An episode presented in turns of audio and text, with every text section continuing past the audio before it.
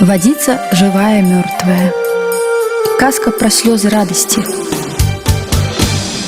Жила-была бедная удава. Мужика ейнага на вайне забілі. Вайна, ведама, справа чартоўская. Брат з братам б'юцца да смерці, а чорту толькі забава.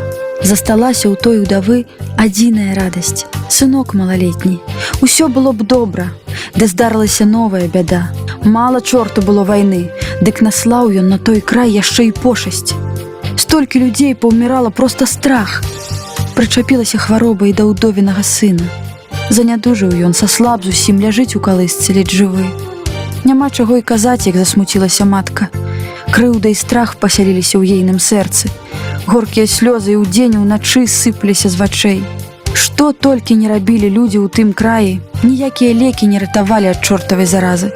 Апанаваў усіх безнадзейны адчай. І толькі ўдава тая ніяк не хацела скарыцца, сказала сабе так: Хоць увесь свет абыду, хоць жыццё сваё пакладу, а знайду ратунак дзіцятку роднаму. І толькі так сказала, зрабіўся першы цуд. Ціхенька зляцеў з неба анёлак і шапнуў на вушка ўдаве: Шукай вадзіцу жывую мёртвую. Шапнуў і знік.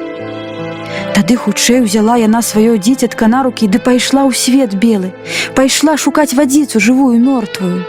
Лёгка сказаць шукаць, але дзе? Пайшла яна спачатку ў дрымучую пушчу, бо чула, што жыве там вядзьмар. Ён збірае усялякія зёлкі ды розныя лекі гатуе. Стала ўдава распытваць у яго пра чароўную вадзіцу, але ён пра яе нават і не чуў. Пайшла тады ўдаваў вялікі горад, бо казалі, што купцы багацеі маюць поўна ўсялякіх тавараў.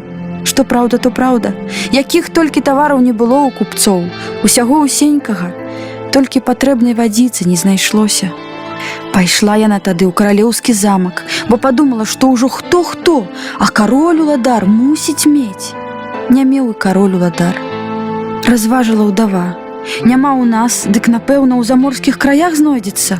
І пайшла яна і пайшла і абышла кругом свету і на ранейшае месца вярнулася. Вадзіцы не знайшла. Зноў залілася яна пякучымі слязьмі, узмалілася да божанькі, божанька, любы, злітуйся, ты ж бачыш, як я старалася. Я ўвесь свет абышла, нідзе той вадзіцы не знайшла. І тады здарыўся другі цуд. Ціхенька спусціўся з неба анёлак і шапнуў ёй на вушка. А ты не звонку шукай, а ў сабе. Сказаў так і знік. А ўдава здзівілася: Як жа гэта ў сабе? Прызадумалася, сцішылася, адчула, як б'ецца сэрца яе хлопчыка, якога ўвесь час трымала на руках. У той самы момант штось перамянілася, нібы сонечны прамень за чорнай хмары бліснуў, ды ўсё навокал праясніў. І ў тую хвілю ізноў пырснулі слёзы з яе вачэй. Яшчэ былі не абсохлі ранейшыя слёзы шкадавання, а тут новыя слёзы радасці. Змяшаліся тыя слёзы разам, упалі з вачэй, абмылі ейнае дзіцятка. Тут здарыўся трэці цуд. Аказалася, што ўдовіны слёзы, слёзы гора і радасці і ёсць тая самая вадзіца жывая мёртвая. Мёртвая змярцвіла хваробу, выгнала чортаву заразу, загаіла цела, а жывая ажывіла душу.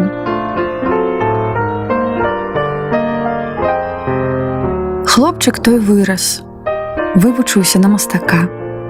Шмат маляваў і як прыгожа, намаляваў аднойчы абраз багародзіцы. Людзі як глянулі, здзівіліся. Такога хараства ніхто ў свеце не бачыў. Але галоўнае пагляд, як жывая глядзела з абраза маці Марыя. У ейных вачох было столькі горкага шкадавання і ў адначасе столькі радаснага замілавання.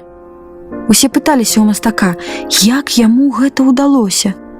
А ён так адказаў: Мне здаецца, што аднойчы ў дзяцінстве я бачыў яе твар і быў абмыты яе слязьмі.